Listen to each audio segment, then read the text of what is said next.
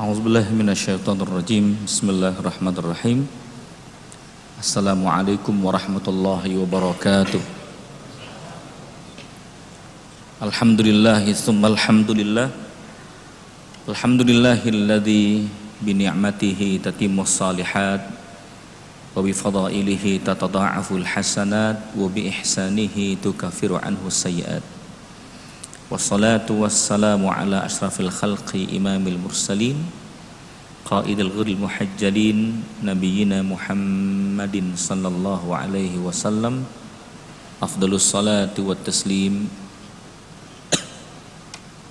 وعلى آله وصحابته وأهل بيته ومن اهتداه بهداه إلى يوم الدين اللهم اجزي عنا خير ما جزيت نبيا عن أمته ورسولا عن قومه wa Ba'du segala puji dan syukur tentunya hanya kepada Allah Rabbul Izzah nikmat dan keruniannya rahmat dan hidayahnya di sela-sela aktivitas kita. Alhamdulillah Allah masih memberikan kita kesempatan untuk menambah pundi-pundi pahala kita yang kelak akan kita banggakan di hadapan Allah Subhanahu wa taala. Salawat dan salam terlimpah curah kepada Rasul mulia Nabi pilihan Muhammad bin Abdullah sallallahu alaihi wasallam dan kepada para sahabatnya tabi'in serta tabi tabi'in.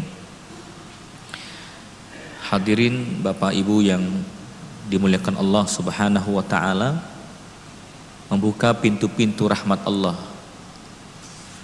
Dalam sabdanya Nabi mengucapkan lillahi mi'atu rahmah. Allah itu punya seratus rahmat. Amsakaha tis'an wa tis'ina Allah memegang menggenggam 99 rahmat. Wa anzalahu rahmatan wahidah fid dunya. Dan Allah menurunkan satu rahmat di dunia. Faraaita al-hasan engkau menyaksikan ada seekor hewan kuda yang saat melahirkan anaknya ia tidak menginjak anaknya.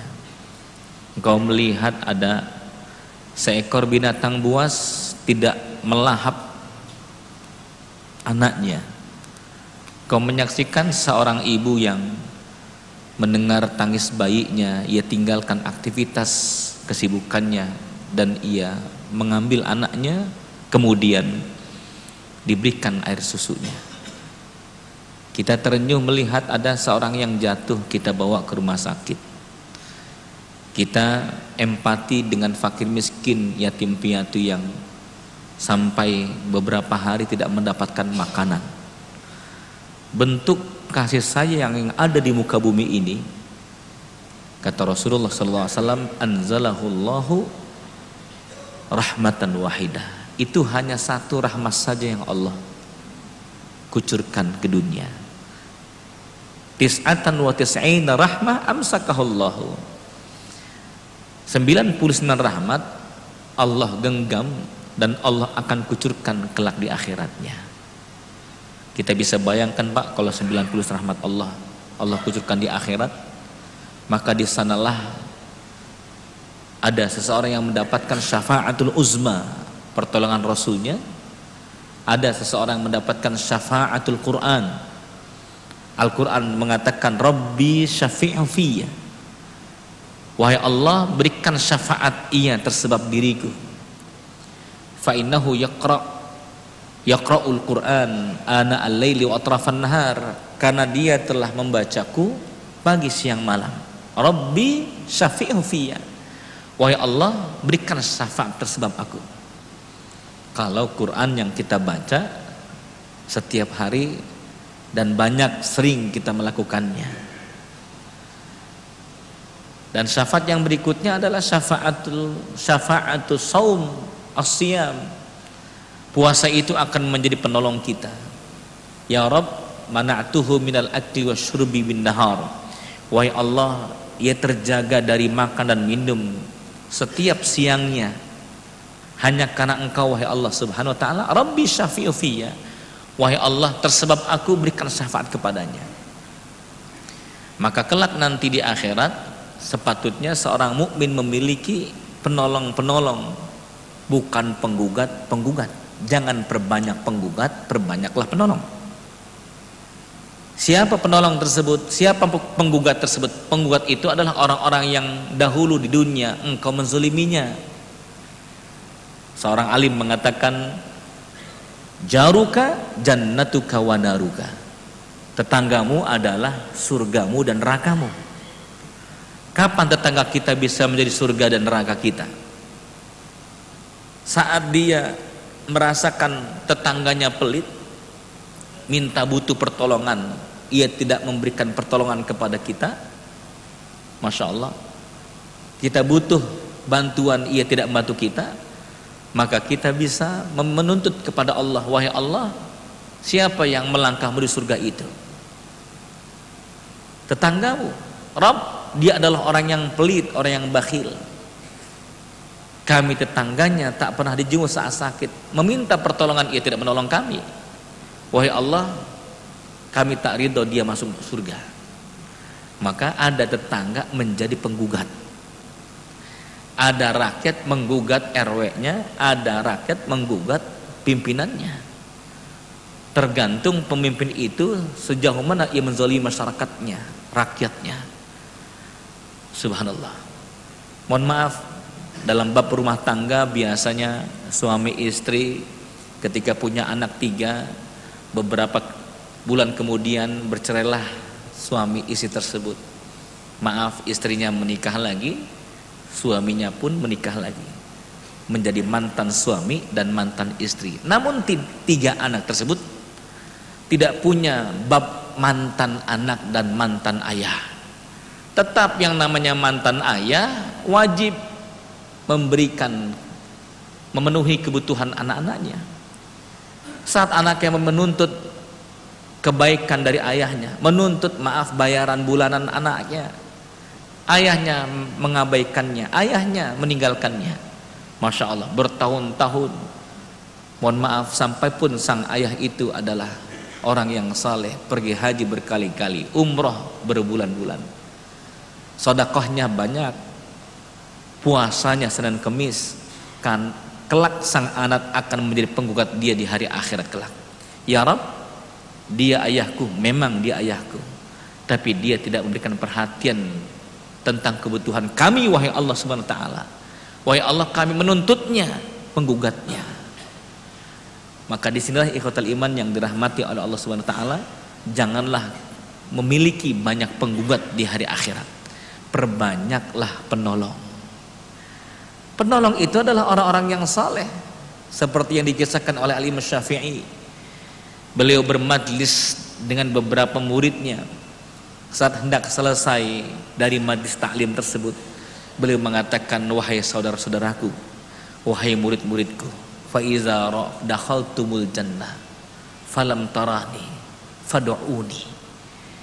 Wahai murid-muridku tersayang, ketika engkau masuk surga, Ketika engkau masuk surga dan engkau tidak mendapatkan aku dalam surga, aku mohon kepada engkau, sebutkan namaku. Mintakan kepada Rob, wahai Allah, mana Syafi'i? Mana Syafi'i? Masukkan ke dalam surga, wahai Allah SWT. Subhanallah. Ini kalau kita betul-betul semangat untuk mencari ilmu. Maka mohon maaf Bapak Ibu yang dirahmati Allah, Sepatutnya kita harus mengenal nih kanan kiri depan belakang teman kita. Satu waktu teman kita lah yang memanggil kita nanti di surga. Amin ya. Subhanallah. Ya Allah. Aku tidak mendapatkan Pak Junet, Pak Rahmat ya Allah. Pak Budi. Yang setiap kali pengajian dia hadir ya Allah. Yang kalau hadir pengajian pasti nyender ya Allah, pasti nyender ya Allah. Ini contoh saja Pak, contoh mohon maaf ini ya.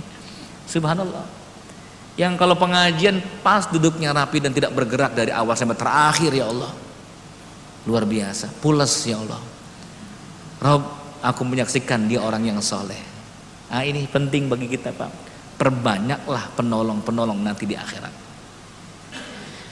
innakum tadkhulunal jannata bi'amalikum kata Nabi engkau akan masuk surga dengan amal-amal kalian Innakum lan tadkhulul jannata bi'amalikum. Maaf Nabi mengatakan engkau tidak akan masuk surga dengan amal-amal kalian. Wala anta ya Rasulullah. Begitu pula dengan engkau wahai Rasulullah sallallahu alaihi wasallam. Wala ana. Begitu pula dengan aku.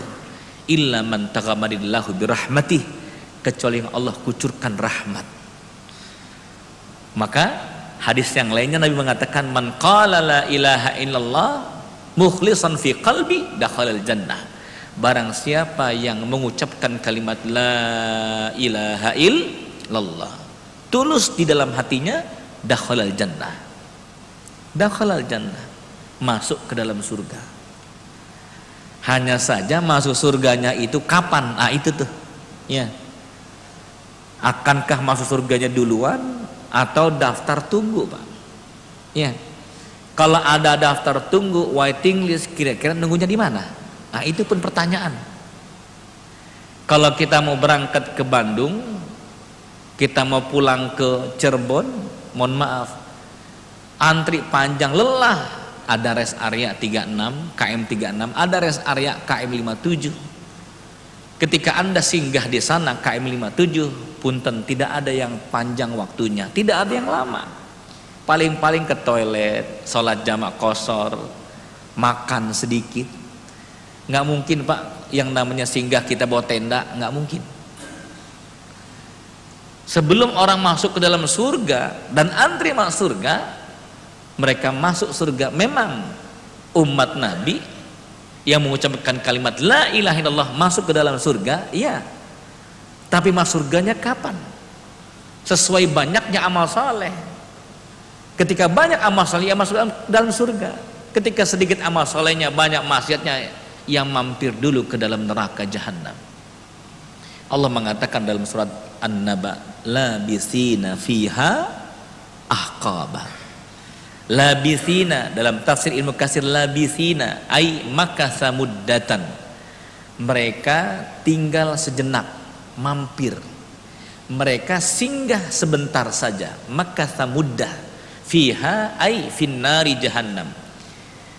Ahqaba ahqaba bentuknya jamak bentuk mufradnya bentuk tunggalnya adalah haqibun. Hakibun itu memiliki makna abad. Ahqaba berabad-abad.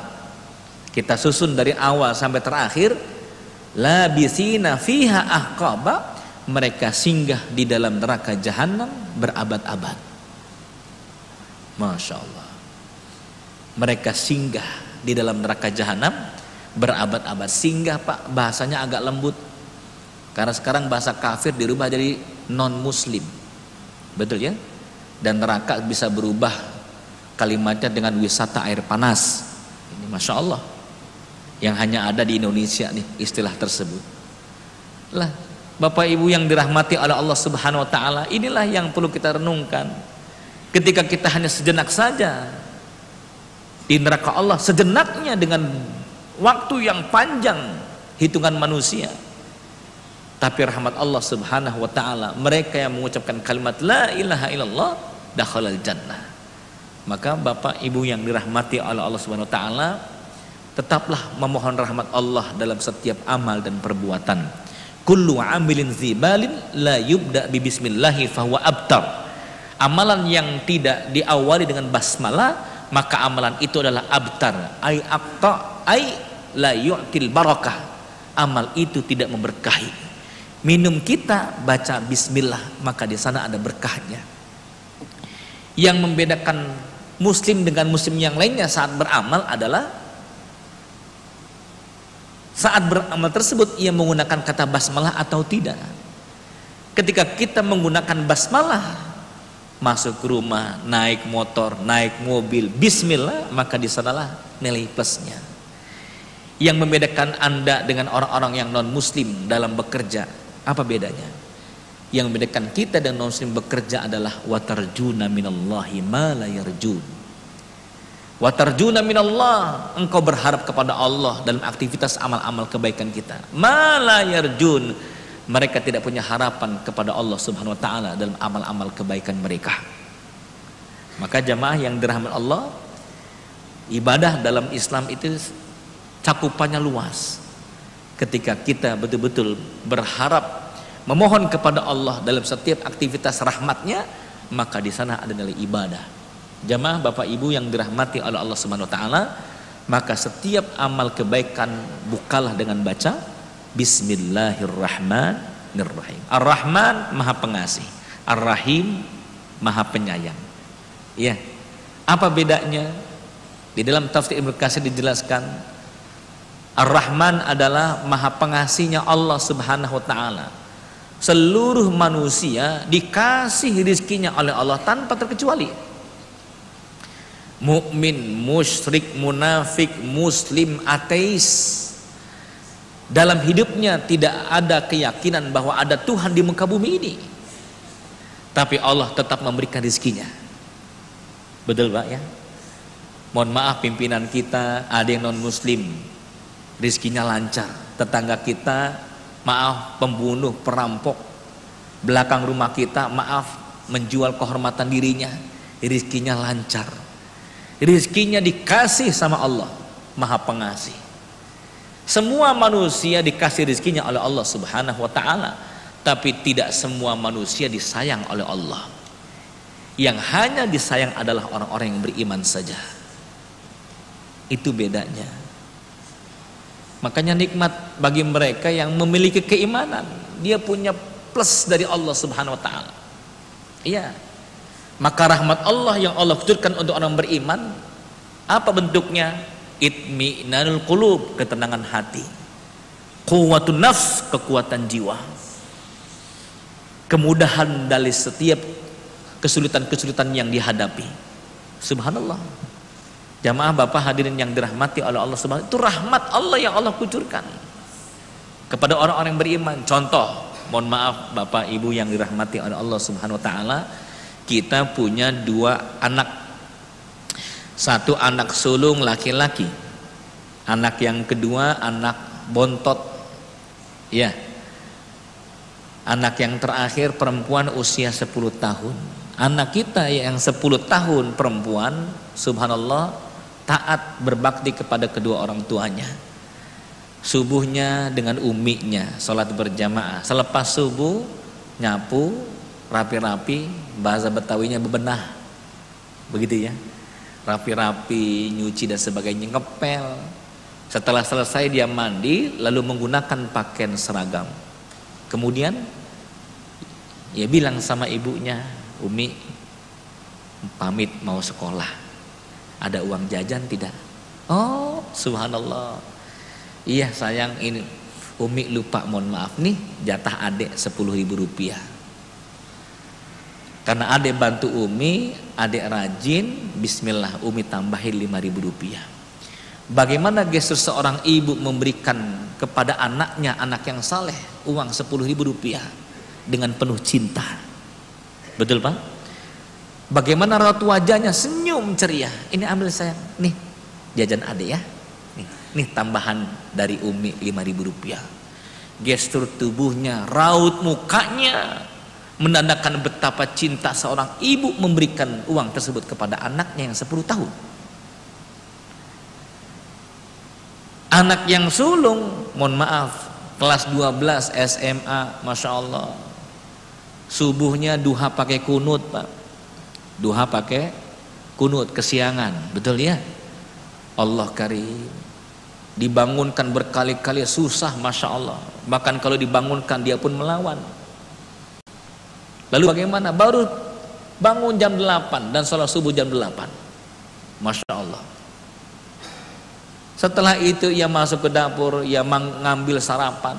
Sampai ibunya mengatakan, Ya Allah sayang, sudah subuh telat, makan gak mandi dulu. Mau ke mana lagi kamu sekarang setelah ini?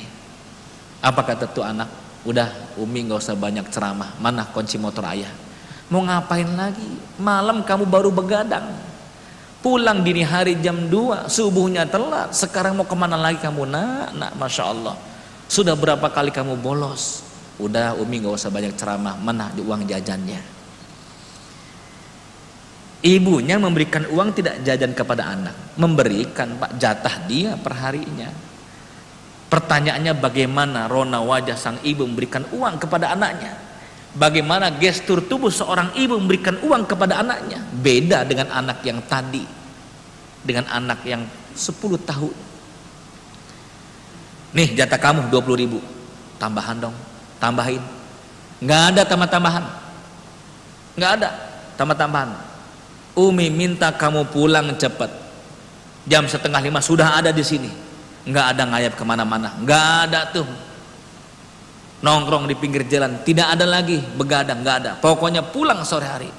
Mi tambahin. Nggak ada tambah-tambahan. Kalau nggak pulang sore hari awas. Memberinya kesan wajahnya tidak nyaman. Memberikan uang tersebut, mohon maaf, tidak dengan cinta, bahkan dengan ancaman.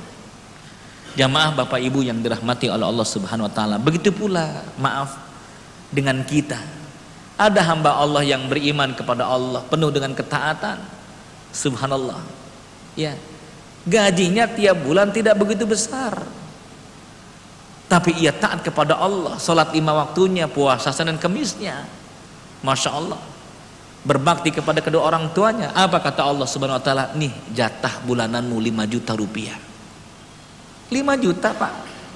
Mohon maaf 5 juta apa kata Allah? 5 juta rupiah engkau aku sehatkan anakmu aku solehkan istrimu aku konaahkan kata Allah ta'ala. Dan engkau tinggal di perumahan tetangga kanan kiri depan belakang rukun damai. Orang tuamu aku berikan hidayah yang dahulu sebelumnya dia kejawen. Subhanallah 5 juta tentram hati saudara kita 50 juta besar angkanya Masya Allah. Setiap dia minta dunia terus dikasih oleh Allah. Minta karir dimudahkan oleh Allah. Jabatan tinggi dimuluskan oleh Allah jalannya. Bonusnya ditambahkan ditambahkan sama Allah. Rumahnya besar tiga lantai mobilnya mewah. 50 juta plusnya banyak pak plusnya banyak. Apa kata Allah? Silakan tuh ambil dunia. Tapi ada tiga ring di dalam jantungmu. Tapi ada tiga ring di dalam jantungmu. Anakmu kena narkoba. Anak perempuanmu hamil di luar nikah. Istrimu tidak kona'ah. Engkau berikan 20-30 juta ia tetap menuntut kamu. Masya Allah. Enggak rukun dengan tetangganya. Perhatikan Pak 5 juta tenang dengan 50 juta tidak tenang. Mana yang anda pilih? Tidak ada pilihan yang ketiga. Halo Pak. Pilih mana Pak? 50 juta tenang ngarang betul ya Nah, ini masya Allah.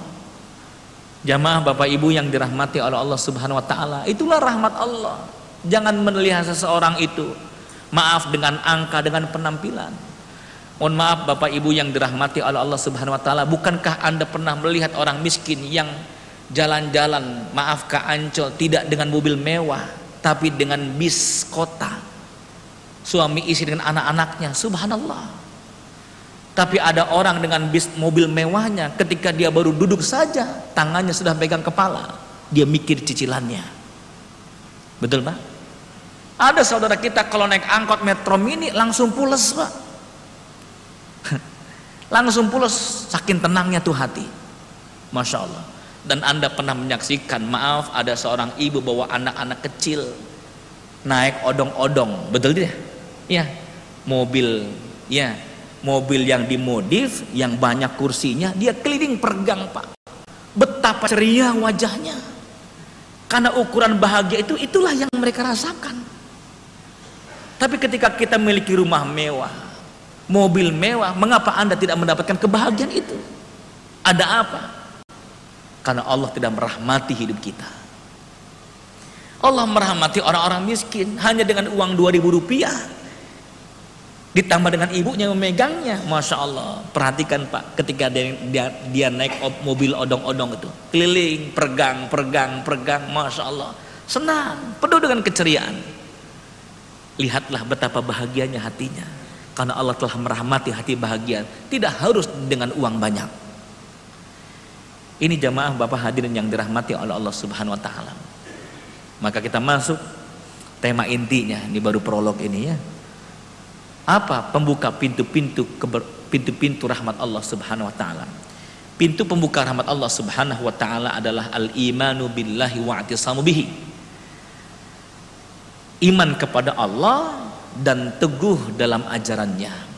Iman kepada Allah dan teguh kepada ajarannya pada surat An-Nisa ayat 175. فأما الذين آمنوا بالله واعتصموا به فسيدخلهم فسيدخلهم في رحمة منه وفضل ويهديهم ويهديهم إليه صراطا مستقيما An-Nisa 175 Fa'amman ladina amanu Adapun orang-orang yang beriman Lalu memegang teguh keimanannya kepada Allah subhanahu wa ta'ala fasayudkhuluhum fi rahmatin minhu Allah masukkan ke dalam rahmatnya Pak lihatlah orang tua kita mohon maaf siapa sih orang tua kita bukan orang tua yang kaya raya maaf ia hanya petani kecil di kampung. Rumahnya gubuk reot Pak. Masya Allah. Tidak punya motor hanya punya sepeda saja. Tapi ketika anda atau saya meminta kepada ayah kita mengatakan kita mengatakan ayah adakah uang untuk aku kuliah? Ayah kita mengatakan bismillah sayang, ayo kuliah. Pertanyaannya, kok bisa ayah kita mengatakan bismillah kuliah sayang? Bukankah kita melihat dengan mata kepala kita sendiri bahwa ayah kita nggak punya apa-apa? Ada apa gerangan di jiwa ayah kita? Ada apa gerangan di hati ayah kita? Surat Al-A'raf ayat 17 Setan menggoda manusia dari arah depan, dari arah belakang, dari arah kanan, dari arah kiri. Al-Imam Ibnu Qayyim Al-Jauziyah mengatakan dua arah setan tidak bisa menggoda manusia. Apabila dua arah ini manusia maksimalkan, maka dia akan menjadi manusia yang kuat. Apa dua arah itu? Dua arah itu adalah arah atas dan arah bawah. Arah atas adalah banyak yang munajat, arah bawah itu adalah banyaknya sujud di tengah malam gelap gulita. Itulah yang dimiliki oleh ayah kita, emak kita di kampung. Bismillah sayang, ayo begitu. Keyakinan, keyakinan kuat kepada Allah Subhanahu Wa Taala. Ini penting bagi kita, Pak.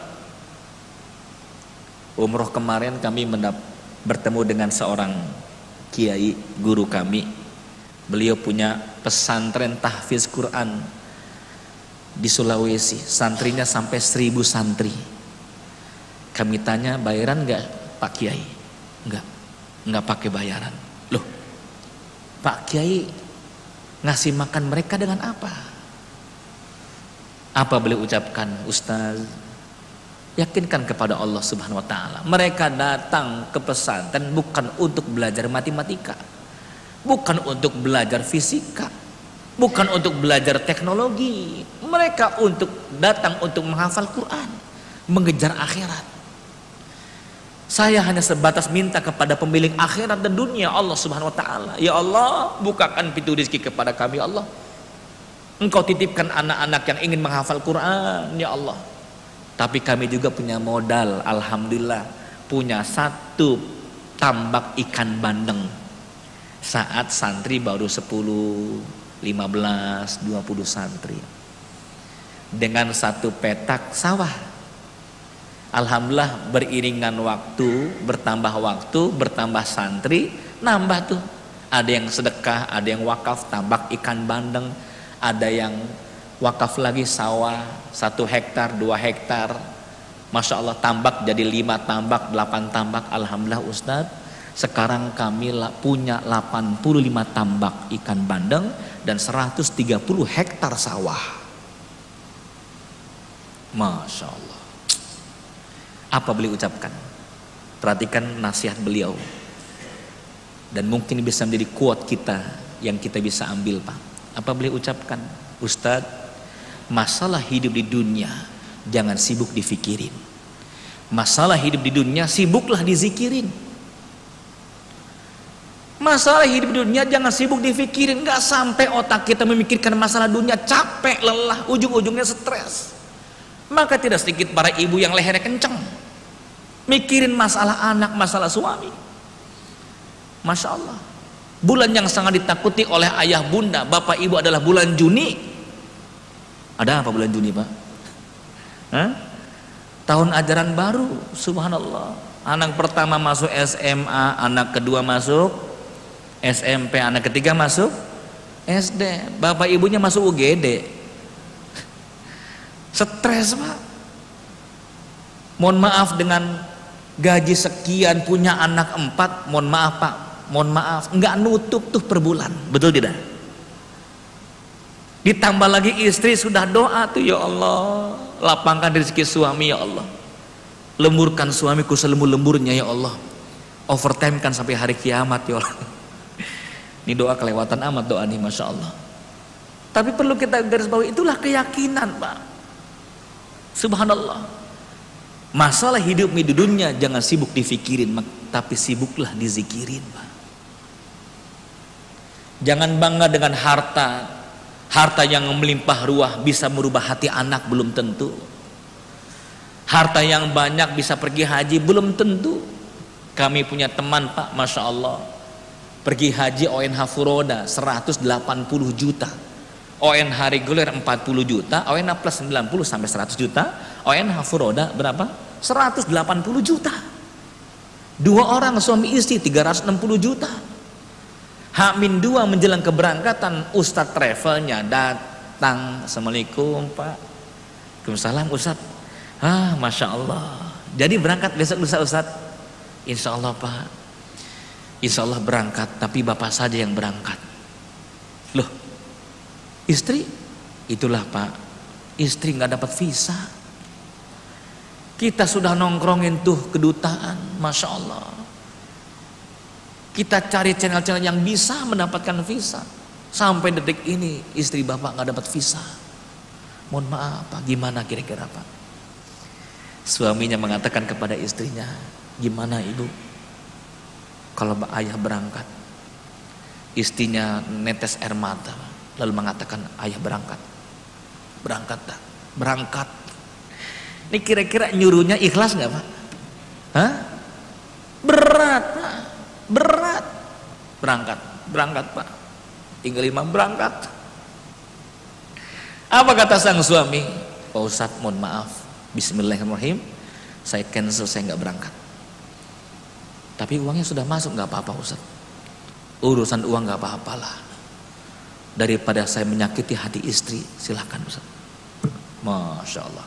Mana yang namanya uang bisa menjamin bisa berangkat pergi haji? Enggak ada Pak. Qulillahumma malikal mulki tu'til mulka man tasha wa tanzi'ul mulka mimman tasha. Wa tu'izzu man tasha. Wa tuzillu man tasha biyadikal khair. Innaka ala kulli syai'in qadir. Al Imran ayat 26 keyakinan tuh Uang 360 juta nggak bisa pergi haji. Seorang anak kecil yang duduk di kursi roda, subhanallah. Ya, usia 10 tahun belum bisa cari nafkah, kok bisa pergi haji? Bahkan bisa menghajikan ayah ibunya. Siapa dia? Si anak kecil ikut Hafiz Indonesia. Hafal 20 juz. Syekh dari Saudi datang mengejuk keniknya. Nah, Wahai anakku, bismillah aku hadiahkan engkau haji beserta ayah ibumu. Sang anak mengatakan, Syekh boleh nggak kakek diajak kakek kakekku dulu ngajarin aku juz amma. Ayah nggak apa-apa, ayo ajak kakekmu. Satu anak bisa ngajak tiga tanpa uang pak, subhanallah. Kalau Allah punya kehendak kun fayakun. Betul tidak pak? Luar biasa ya di Betawi ada cerita Pak. Nenek-nenek 80 tahun pengajian di kampung ujung pulang naik angkot. Ketika nyebrang diserempet mobil mobil sedan. Jatuh pemilik sedan pun membawanya ke rumah sakit. Untungnya tidak rawat inap. Dibawa balik ke rumahnya. Pemilik sedan minta maaf kasih kompensasi. Apa kata saya terima kasih nak mohon maaf ngerepotin kamu nak. Nggak apa-apa. Nek saya minta maaf. Nenek tinggal sama siapa di sini? Nenek tinggal sendiri. Loh anak cucu di mana? Anak cucu di Jakarta semuanya. Oh masya Allah. Nek mohon maaf, adakah hajat nenek yang belum terkabulkan? Mungkin saya bisa membantu nek. Pucuk dicinta ulama tiba. Si nenek berlinang air mata yang mengatakan sudah bertahun-tahun pengen pergi haji. Semoga anak cucu ada yang menghajikannya. Pemilik sedan itulah yang mengatakan Allahu Akbar walillahilham. Ya Allah, nek, ini mungkin nih tidak ada yang kebetulan di muka bumi ini. Ini mungkin dilalahnya. Ini mungkin caranya. Nek bismillah, nenek besok siapkan KTP, ikut sama saya kita daftar ke bank. Nenek pergi haji. Duh. Luar biasa. Siapa yang bisa menghalangi kalau Allah sudah mentakdirkan ia pergi haji? Betul, Pak? Setuju nggak kira-kira, Pak? Halo nih bapak hidup ini masih hidup? Masya Allah. Jadi kalau bapak ibu agak susah pergi haji, sering-sering nyebrang pak, sering-sering ya. Ini kesimpulannya salah pak, bukan itu. Iya, sering-sering meminta kepada Allah swt.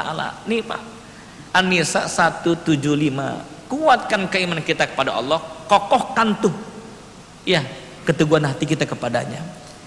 Fi rahmatin minhu. Allah berikan rahmat kepadanya. Yang kedua pintu-pintu rahmat Allah Subhanahu wa taala adalah surat Al-Imran ayat 132, ketaatan kepadanya. Semakin banyak kita taat kepada Allah Subhanahu wa taala, semakin Allah buka pintu-pintu rahmatnya. Wa Allah wa rasul la'allakum turhamun. Taatlah engkau kepada Allah dan Rasulnya. Semoga Allah merahmatimu. Maka Salat kita berjamaah ada rahmat Allah Subhanahu wa taala. Duduk kita di majlis ini adalah rahmat. Mohon maaf Bapak Ibu yang dimuliakan Allah Subhanahu wa taala. Di antara kita pasti ada yang punya penyakit berat. Di antara kita mungkin maaf jarang yang 100% sehat tidak, Pak. Minimal maaf migrain, ya, encok, rematik, asam urat. Betul. Terlebih ada penyakit besar, jantung. Pertanyaannya, mengapa ketika Anda duduk di majlis ini, rasa sakit itu tidak ada lagi? Allah ridho dengan kebaikan kita. Allah ridho dengan ketaatan kita dalam salat kita. Ketika Anda melangkahkan kaki menuju masjid, seakan-akan Allah mengatakan, wahai penyakit, nyah kamu dari tubuh dia. Hambaku sedang datang untuk salat zuhurnya Hambaku sedang ingin kiamul lail. Wahai penyakit, hilanglah dari tubuhnya. Luar biasa, Pak. Terkadang itu tidak kita sadarkan tuh. Bahwa penyakit itu rasanya dicabut oleh Allah Subhanahu wa taala ketika kita dalam taat kepada Allah Subhanahu wa taala. Umar bin Khattab ketika ditikam perutnya berdarah dan banyak darah ia masih melakukan sholatnya. Subhanallah. Sahabat mengatakan engkau tidak merasakan apa-apa. Enggak tahu. Ketika aku sedang menikmati lezat bersama Allah Subhanahu wa taala, rasa sakit itu sudah hilang. Rahmat Allah Subhanahu wa taala. Nih, Pak. Ya. Terkadang kita sedang baca Quran, kebet demi kebet, halaman demi halaman, nggak sadar, Pak. Setelah selesai kita itu, masya Allah satu juz. Ada nggak begitu, Pak? Ada. Kelezatan yang Allah berikan Padahal tadi siang kerja full. Tuh. Iya. Walaupun ada juga sih yang seorang ibu yang Masya Allah di Bekasi Utara seorang ibu usia 70 tahun Pak Subhanallah sebulan bisa empat kali hatam Quran mohon maaf nih saya curiga dengan si ibu ini panggil anaknya ini betul ibu hatam Quran empat kali apaan Ustadz lah itu si ibu bilang empat kali hatam. Nih saya anak yang ngeliat gimana ibu baca Quran. Ibu saya Ustadz bangun jam setengah dua tahajud. Habis tahajud baca Quran. Buka Quran sambil ngantuk. Ngebetnya lima halaman, enam halaman. Begitu. Pantesan cepet hatamnya Pak. Karenanya mohon maaf ini kalau ngantuk jangan dipaksakan baca Quran Pak. Ya, nggak jelas apa yang dibaca. Betul tidak ya? Masya Allah. Nah, jamaah yang dirahmati oleh Allah Subhanahu wa taala, yang ketiga, pintu rahmat Allah yang ketiga adalah as-sabru 'alal musibah, sabar dalam musibah. Al-Baqarah 155. Wa basyiris sabirin. alladzina idza asabathum musibah qalu inna lillah qalu inna lillahi wa inna ilaihi raji'un. Ulaika alaihim salawatum mir rabbihim wa rahmah. Wa rahmah. Mereka yang mengatakan kami dari engkau ya Allah dan kami akan kembali kepada engkau ya Allah dengan penuh kesabaran. Apa kata Allah? Ulaika alim salawatum mir rabbihim. Allah memberikan kekuatan tuh doa-doa malaikat dan rahmatnya. Apa rahmat itu? Ketenangan hati Pak. Ketenangan hati kekuatan jiwa. Maka mohon maaf nih sedikit ada rumus. Semoga bisa dihafal Pak. Iman ujian. Iman ujian pahala. Ingat Pak ekuivalen. Tiga bola yang sama. Iman ujian pahala. Iman ujian pahala. Sebutkan sama-sama pak. Dua tiga. Iman ujian pahala semakin besar iman semakin besar ujian semakin besar pahala setuju semakin kecil iman semakin kecil ujian semakin kecil pahala masya Allah ya Iman yang kecil, mohon maaf, ujiannya pun kecil. Paling-paling ujian sendal hilang, Pak. Satu RW ribut, Masya Allah. Tapi iman yang besar, masalah-masalah besar ada dalam genggamannya. Bagaimana satu kampung bisa berislam? Bagaimana satu kampung bisa mengenal Allah? Iman besar, tantangannya besar, ujian besar.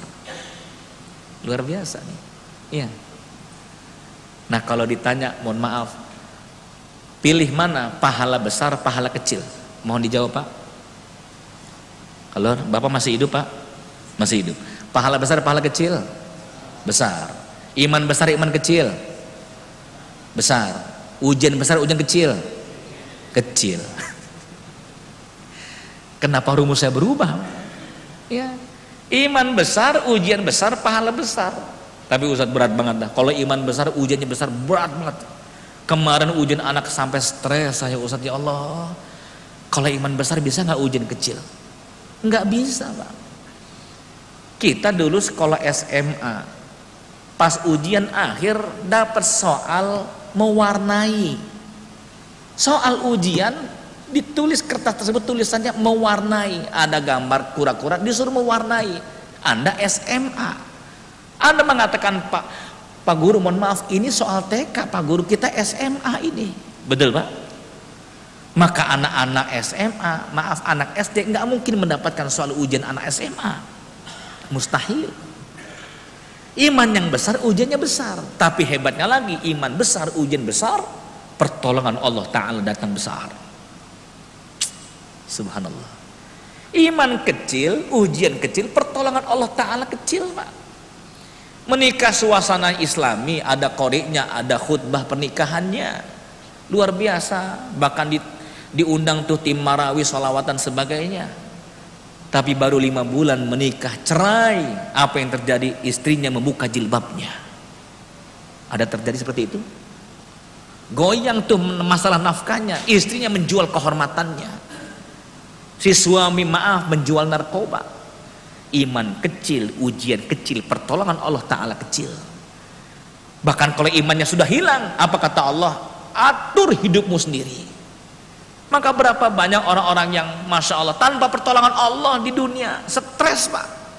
Tidak sedikit itu.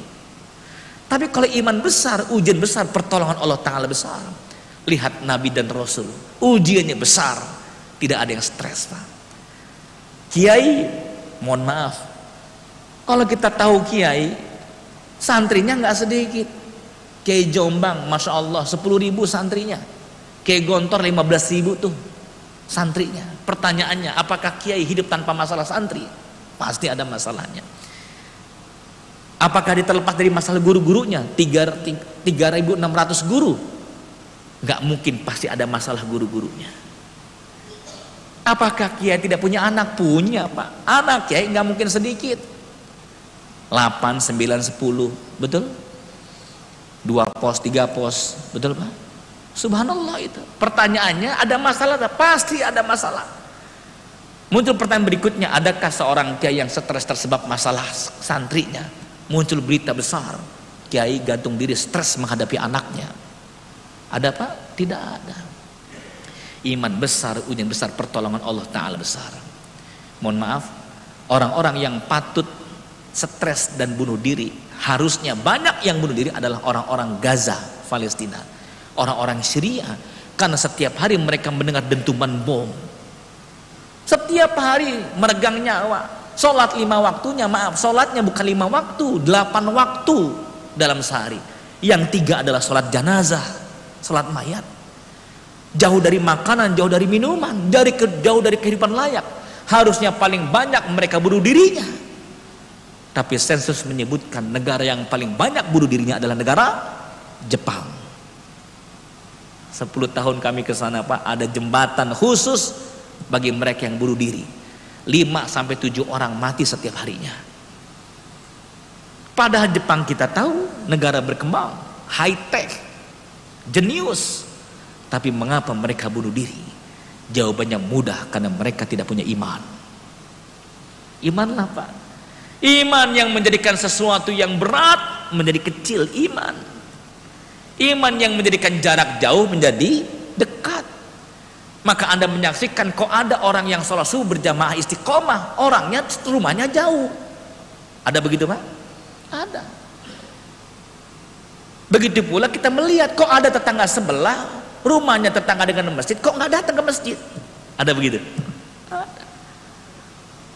Rumah yang dekat dengan masjid tidak menjamin orang itu sholat ke masjid imanlah yang menjadikan jauh jarak jauh menjadi dekat pak iman Ah inilah jamaah yang dirahmati oleh Allah SWT. Ya, pintu berkah itu, pintu rahmat Allah adalah ketika kita menerima ujian dengan penuh kesabaran. Yang terakhir jamaah yang dirahmati oleh Allah SWT. Pintu rahmat Allah Allah akan buka bagi mereka yang berbuat baik. Bagi mereka yang berbuat baik, beramal saleh. Dalam surat Al-A'raf ayat 56 Inna rahmatallahi qaribum minal muhsinin. Sesungguhnya rahmat Allah sangat dekat bagi orang-orang yang berbuat kebaikan. Kalau kita banyak berbuat kebaikan rahmat Allah datang Pak. Mohon maaf sedekah Jumat seorang ibu menggalang dana sama tetangganya. Dua orang tetangga saja. Yuk kita buat nasi bungkus. Terkumpullah 50 alhamdulillah. Jumat berikutnya teman-temannya minta diajak. Ajak-ajak dong kita. Terkumpul 200 pak. Masya Allah. Terus terkumpul terkumpul terkumpul. Sampai-sampai di depan rumahnya dulu hanya satu kompor saja kompor gas. Sekarang sudah 8 kompor gas pak dan sekarang sudah sampai 5000 bungkus nasi qaribu minal muhsinin rahmat Allah. Siapa yang menggerakkan sampai mereka mendapatkan yang besar dari Allah Subhanahu wa taala? 5000 bungkus disebar ke setiap masjid-masjidnya. Dahsyat. Rahmat Allah dalam kebaikan. Rahmat Allah dalam kebaikan bisa mendatangkan hidayah. Imam Hasan Al-Basri rahimahullah sakit beliau dua hari. Tetangganya yang tinggal di atas lantai dua orang Yahudi turun tuh ketok pintu tok tok tok. Hasan Basri Hasan Basri. Muridnya membuka pintu. Ada apa tuan?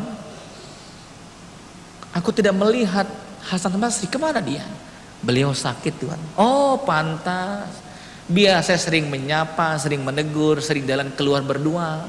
Ahlak Imam Hasan Basri tak pandang muslim Yahudi mukmin Yahudi nggak pandang luar biasa pak senyumnya itu meluluhkan hati orang Yahudi ini Sapaannya pun menggembirakan hati orang Yahudi. Sampai datang ke orang Yahudi. Boleh lihat guru Anda. Silakan Tuhan. Masuk ke ruang kamarnya. Sudah berapa hari wahai Hasan Basri? Alhamdulillah ini sudah mendingan. Insya Allah ada aktivitas hari ini. Loh, itu apa Hasan Basri? Tiba-tiba pandangan mata orang Yahudi tertuju kepada sudut kamar Imam Hasan Basri. Ada apa? Di sudut kamar tersebut ada air netes dari atas ke bawah dan sudutnya sudah berlumut. Orang Yahudi mengatakan, mohon maaf Hasan Basri, ini air apa ini? Hasan Basri mengatakan, nggak tahu saya air apa itu. Bukankah di atas di rumah saya? Sudut atas itu toilet kamar saya. Saya baru pakai itu toilet. Ini air netes berarti dari kamar mandi saya. Kenapa nggak ngomong wahai Hasan Basri? Apa aja Imam Hasan Basri boleh mengatakan sudah nggak apa-apa. Selagi masih bisa ditangani saya nggak mau ngerepotin orang lain. Luar biasa. Luar biasa. Selagi sesuatu masih bisa ditangani, saya tidak mau merepotkan orang lain. Itu ada ember. Masya Allah. Mohon maaf Hasan Basri, sudah berapa hari ini bocornya kamar Anda? Imam Hasan Basri menjawab, Alhamdulillah sudah 20 tahun. 20 tahun Pak. Sanggup Anda rumah bocor atas 20 tahun sanggup pak? Nggak usah jawab, udah kelihatan wajahnya, betul tidak? 20 tahun. Anda di komplek perumahan, ada mobil tetangga parkir depan rumah nih, kita foto, betul? Cekrek, masukin WA grup, woi mobil siapa woi, betul tidak pak? Ribut tuh di grup, masya Allah. Japri ngomong sama pemilik mobil itu, Assalamualaikum Pak Haji, mohon maaf, ini mobil siapa ya depan rumah saya? Eh, iya nih mohon maaf mobil saya. Kuncinya hilang udah lima tahun. Masya Allah tuh. Tinggal sabar kita 15 tahun pak. Allahu Akbar la ilaha illallah. Perhatikan bapak ibu yang dalam Allah. Akhlak. Ketika kita berbuat kebaikan rahmat Allah turun. Hidayah turun di hati orang Yahudi tersebut. Dahsyat pak. Itulah ketika kita membuka pintu-pintu rahmat Allah Subhanahu. Semoga kita senantiasa semangat untuk terus menggapai rahmat Allah dengan perbanyak amal soleh, dengan kuatkan keyakinan, dengan sabar mendapat menghadapi ujian, dan yang terakhir, ya jangan berhenti untuk terus beramal soleh. Semoga bermanfaat pertemuan kita ini. Astagfirullahaladzim. Assalamualaikum warahmatullahi wabarakatuh. Tutup kafaratul majlis. Subhanakallahumma bihamdika asyhadu an la ilaha Assalamualaikum warahmatullahi wabarakatuh.